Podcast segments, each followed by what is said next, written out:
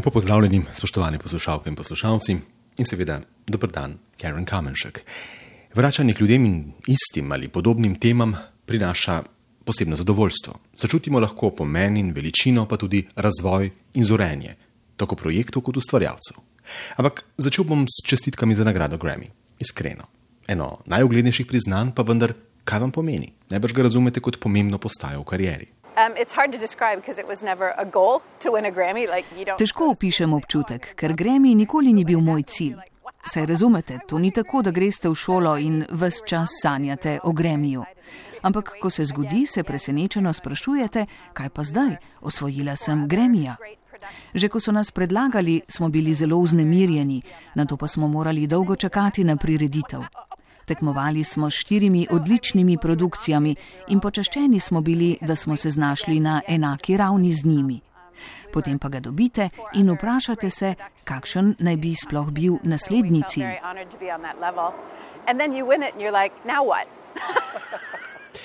Ampak povedali ste mi, da kipca sploh še niste držali v rokah. No, apparently they come later. I mean, they have 86 categories. So if you think Ne, povedali so mi, da kipec pride poznaje. Predstavljajte si, da gremija podeljujejo v 86 kategorijah in gravirati morajo vsa imena. Zato je treba nekoliko počakati. Tisti kipec, ki ga je na podelitvi držal v rokah moj kolega, so imeli v rokah vsi. Upam, da so ga razkužili. Na ključe je hotelo, da so se pred dvema letoma in pol pogovarjala prav o metropolitanski operi in o Ehnatonu Filipa Glasa, torej prav o projektu, za katerega ste dobili Grammyja. Glasa poznate osebno, z njim ste veliko sodelovali. Priznanje verjetno zgolj potrjuje, kakšno mesto in pomen ima Filip Glas za vašo kariero. Yeah, uh, I've known him since I was 20 years old, so I won't say how long ago that Da, spoznala sem ga, ko sem imela 20 let, torej pred davnimi leti. Ne bom povedala natančno kolikimi. Zmeraj sem oboževala njegovo glasbo, pot me je do njega pripeljala po naključju. Približno deset let sem se intenzivno ukvarjala z njegovo glasbo. Na to je sledilo pet let premora, prav tako povsem naključnega, in na to vrnitev k njegovi glasbi, zaradi katere sem pristala natanko tukaj v metropolitanski operi. Kako pa bi opisali njegovo glasbo z muzikološkega gledišča? Interestingly enough, um, just Dovolj zanimivo, da sem tik pred Ehnatonom sodelovala z Anuško Šankar.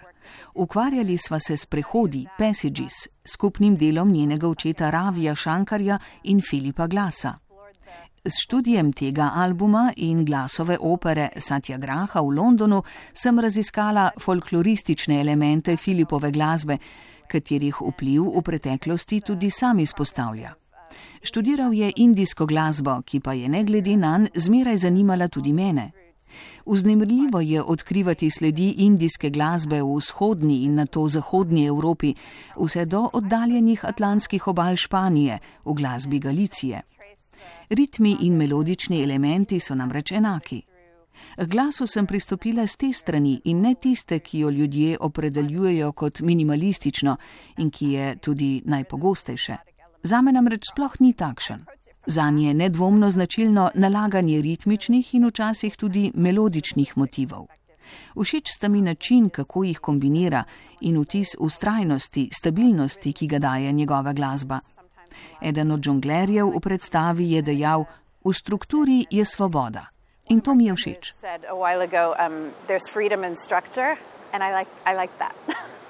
Verjetno vas to pogosto sprašujejo, pa vendar, ker me zanima vaš okus. Kaj vam je bližje, sodobna klasična glasba ali raje posežete po klasikih iz starejših obdobij? I do everything. Mädchen für alles, you know. Um, really, Ukvarjam se z vsem, Mädchen für alles. Sem deklica za vse. Moje zanimanje za glasbo ima dejansko eklektični značaj. Z Antonijem Rod Konstancem septembra načrtujeva projekt Hendla na The Proms v Londonu. Tukaj recimo sežem precej nazaj. Nekaj sem se ukvarjala z Bahom, ampak priznam, da to ni glasba, ki mi je zares blizu. V preteklosti sem bila glavna dirigentka v dveh glasbenih ustanovah v Nemčiji, kar zahteva zelo širok glasbeni razpon. Pošteno povem, da sem najsrečnejša, ko se ukvarjam z glasbo 20. stoletja in z najsodobnejšo, napisano včeraj. Daje mi občutek živosti glasbene oblike. In zelo mi je všeč, ko se lahko posvetujem s skladateljem. Zelo rada bi poklicala Mozarta, ampak ne gre. Mozart, na primer, mi je zelo všeč in kar precej sem se ukvarjala z njim. Ko sem bila glavna dirigentka v opernih hišah, sem izbirala skladbe, ki so me zanimale. Zdaj, ko sem na svobodi, je tega nekoliko manj, ker mi običajno ponujajo projekte. Zavračam pa tiste, za katere čutim, da mi ne bi bili blizu in prijetno je, ko si to lahko privoščim. Dejansko pa sem eklektična, kolikor se da. Trenutno ste torej svobodnjakinja. yes. It's rather difficult during COVID. Da, čas pandemije je bil za nas zelo težak in zelo smo veseli, da se vračamo na odre. We're happy to be back. Kje pa preživite največ časa? V Združenih državah, v Evropi? Pretty much everywhere. This year was heavy on the United States. I'm here for about Povsod sem. Letos sem veliko tukaj, v Združenih državah Amerike, kar tri mesece. Prihodnja sezona je razdeljena med Kanado, Evropo in ZDA. Azija se še ne ponuja, obeta pa se Avstralija. Zelo sem zaposlena, sicer pa živim v Franciji. pretty busy, but my home base is in France. Po naključju se že kar nekaj časa ukvarjam s prvo temnopolto ameriško skladateljico klasične glasbe, do nedavnega pozabljeno, zato pa zdaj pravo odkritje, Florence Price. Tudi žiriji Gremijev sta letos spadli v oko ali uho njeni prva in tretja simfonija kot najboljša orkestralna posnetka.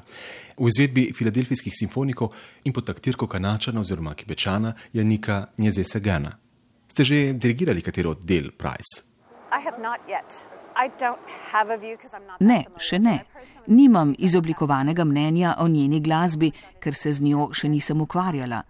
Slišala sem nekaj simfonij, nisem pa se poglobila vanje. To je težko vprašanje. Question. Zakaj? Well, you know, Yannick um, just won the Grammy for, for her. Janik je pravkar dobil Gremija za njena dela. Zelo mi je všeč, da se je to zgodilo. Nisem namreč prepričana, da bi bila jaz prava oseba, ki bi oživila glasbo Florence Price. Enako velja tudi za številne druge velike skladatelje preteklega časa. Mislim, da je zelo pomembno oblikovati širok nabor še živečih skladateljev in izvajati njihova dela. Seveda so danes v središču pozornosti ne belci, ženske, kajti obstaja tudi cela razprava o skladateljicah in tako naprej. Vse to je zelo pomembno. Ampak moj glavni cilj je izvajanje glasbe, ki se v prvi vrsti zdi smiselna meni sami, kajti le tako sem lahko dobra ambasadorka določenega skladatelja in glasbe, v katero verjamem. Če mi nekdo skuša usiliti repertoar, ker se mu zdi nujen, jaz pa van ne verjamem, se mi to zdi podobno, kot da silite kuharskega mojstra k peki hamburgerjev, on pa bi rad pripravljal karkoli drugega, samo tega. Kar pa je prav ilustracija tega, kar ste prej povedali o zavračanju projektov, za katere čutite, da vam ne bi bili blizu. Sicer ste ženska v poklicu, ki je do nedavnega veljal za moškega. Je ta razprava že mimo? As much as I don't like to say it, I'm already in the middle aged generation of that fight. So there's a generation. Kolikor mi je neprijetno to poudariti, moram priznati, da sodim že v srednjo generacijo tega spora, kar pomeni, da je generacija pred mano prebila stekleni strop in odrinila ovire. Jaz sem že v položaju mentorice mlajšim dirigentom. Dovolj nenavadno je, da se prav ženske pogumneje odločajo, da navežejo stik z mano. Pravzaprav pa sem sama storila prav to. Navezala sem stik s Simon Young. Prepričana sem bila, da mora ženska pomagati ženski. Simon je zvesta svojemu delu in prepričana sem, da enako velja zame. Obstaja kaj, kar je specifično za dirigentke? Seveda, obstajajo stvari specifične za ženske. Pika. Da preživimo v tem svetu. In to velja za vse poklice. Moj je zelo intenziven. Delate v prostoru, v katerem je zelo veliko ljudi, v napetem ozračju, v katerem je pozornost vseh osredotočena na vas. Kako pa se je razvijala vaša glasbena pot? That's a long story. Which part of it do you want? I mean, I've been doing music since I was four. To je dolga zgodba. Kateri del želite slišati? Z glasbo sem se začela ukvarjati pri štirih letih in ni bilo dneva brez nje v mojem življenju. Bila sem zelo zgodaj razvit otrok. Ves čas sem nadlegovala ljudi, češ hočem početi to in ono. In nihče mi pri tem ni stal na poti. Če pa mi je, sem naredila obvoz in dosegla svoje. Več kot sem sploh upala, saj je bolje od mojih pričakovanj. Za glasbeni posel je značilna izrazita hierarhija in slediti morate sistemu, da se povspenjate po lestvici. Če tega ne želite, lahko obtičite na mestu. Ampak vsaka ustvarjalna oseba ve, da se mora odpreti in se povezati. Če ostanete v svojem svetu, vas nihče ne bo opazil in vedel za vas. Sicer nisem tako dobra v mreženju, kot bi morala biti. Mlajši kolegi so zelo spretni na TikToku, Twitterju in drugih platformah. Jaz se raje zanesem na svojega agenta, ker bi rada imela tudi nekaj časa zase. Danes je to povsem drugačen svet. It is. It's hard to keep up if you still want to like be prepared for rehearsal. Res je in težko je dohajati vse skupaj. Če želite biti pripravljeni na vajo, obenem pa si privoščiti tudi nekaj ur spanca. Ko sem se odločila za svobodnjaštvo, potem, ko sem imela svojo družbo, sem potrebovala premor. Kmalo na to nas je zajela pandemija in me prisilila k zelo dolgemu premoru. V tem času dojamete, kaj je za vas res pomembno. In mreženje zame ni tako zelo pomembno. All of that isn't so important to me. Kaj pa vam bolj ustreza, da delate kot svobodnjakinja ali ste raje del oziroma na čelu velike ekipe?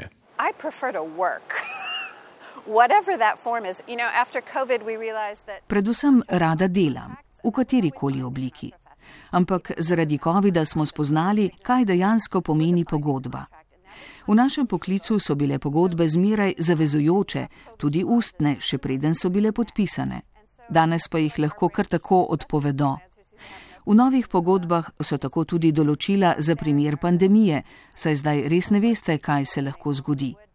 Zlasti v naših vodah smo videli, kako zelo izpostavljeni so svobodnjaki, ki ne uživajo zaščite določene ustanove. Zato je videti toliko živčnosti in naporov, kako si zagotoviti določeno varnost. Če se me sprašuje, ali bi bila rada redno zaposlena, moram reči, da sem redno zaposlena, ampak kot svobodnjakinja. Če dobite ponudbo, seveda razmislite o njej, saj lahko pomeni priložnost za umetniški razvoj. Ampak zasedala sem že položaje, ki niso bili prav idealni. In če gre za nekaj, kar ne ustreza popolnoma vsem sodelujočim stranem, potem tega ne potrebujem, da bi se počutila umetniško izpolnjeno. I don't need it to feel like I'm artistically fulfilled. Pa vam je bliže opera ali simfonična glasba? For me, I need both. I can't imagine a life without one or the other. Potrebujem oboje. Ne predstavljam si življenja brez enega ali drugega. Nekateri se lahko specializirajo in so zadovoljni, jaz pa sem imela dovolj sreče, da se lahko ukvarjam z obojim. Tudi naša agencija meni, da moramo biti umetniki z dobrim razponom. Letos je bila sicer opera nekoliko bolj izpostavljena, ampak naslednjo sezono je porazdelitev enakomerna. Imam 12 koncertnih tednov in tri operne produkcije, kar je zelo veliko. Pripravljati eno ali drugo še zdaleč ni enako. Priprave, napetost, intenzivnost, vse to je popolnoma različno. Opera se mi zdi sicer nekoliko bolj sproščena, ker je proces nekoliko daljši, Za simfonični program pridete v nek kraj za štiri dni, vse poteka zelo napeto, intenzivno in hitro, na to imate dva koncerta in bum, vas že ni več. Tukaj pa imamo na voljo tri tedne za vaje in na to tri tedne za predstave, kar je prijetno.